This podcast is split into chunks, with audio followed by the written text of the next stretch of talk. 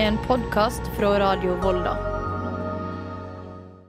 Mediene blir ofte kalt for den fjerde statsmakt eller samfunnets vaktbikkje gjennom arbeidet med å følge med på det som foregår i samfunnet.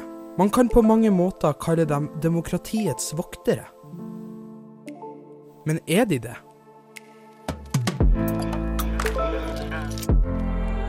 Du hører på Demokratiets voktere. Episode 5 Møre. I dag tar vi turen til Volda og redaksjonslokalene til Møre. Lokalavisa for Volda og Ørsta. Hvordan er det egentlig å drive det som omtales som landets eldste lokalavis? Eh, altså For min del så syns jeg det er en veldig interessant jobb. Det er en veldig kjekk jobb jeg kunne faktisk ikke tenkt meg å ha noen annen jobb, rett og slett. Jeg trives veldig godt. Han du hørte der, heter Tore Aarflot og er redaktør i avisa. Du, du, det du får gjøre, vet du, det er jeg bruker å si her at det, du får sitte i losjeplass på Samfunnets sirkus. Ja. ja.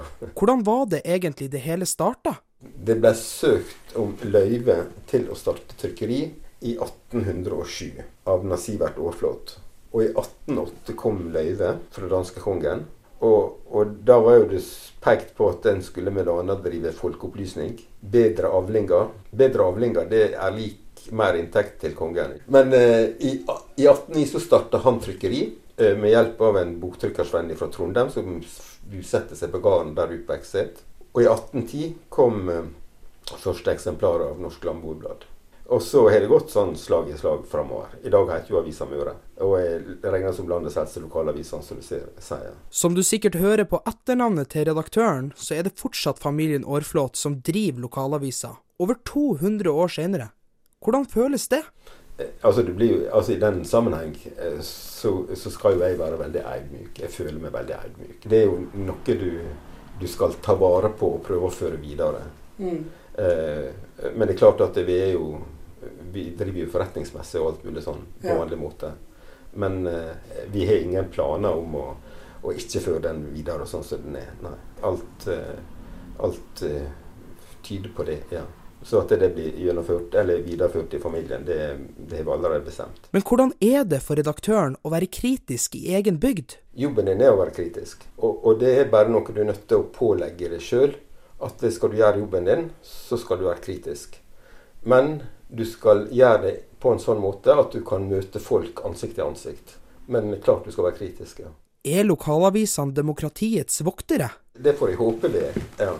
Og, og, det er vel det de fleste lokalavisene Eller vi strekker jo oss etter det, da.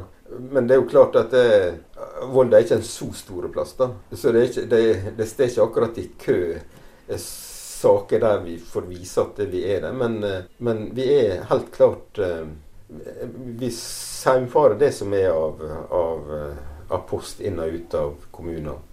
Og uh, ytringsfriheten den står jo sterkt med oss. Altså, vi har leserspalt og sånne ting. Og, og, og, det er viktig for oss at folk får være med på demokratiet og engasjere seg på demokrati på den måten. Hva sier ekspertene? Er lokalavisene demokratiets voktere?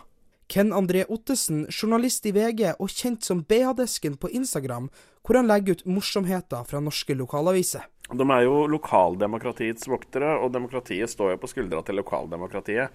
Det er jo visse, er jo visse trappetrinn her. Eh, på sitt beste eh, så er eh, lokalaviser eh, lokaldemokratiets voktere. Jeg syns de aller, aller fleste lokalaviser eh, skjøter den eh, jobben sin bra.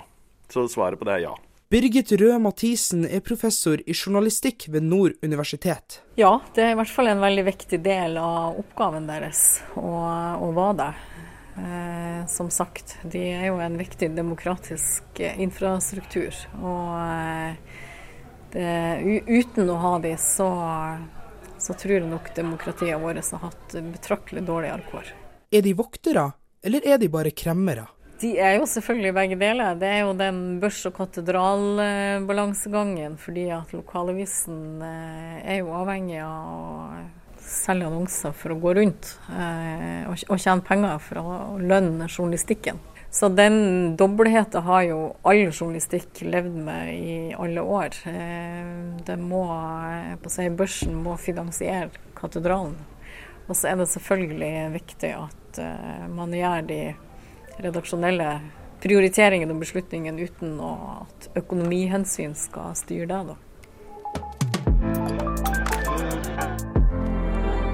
Du har nettopp hørt siste episode av Demokratiets voktere, laga av meg, Trond Odin Johansen.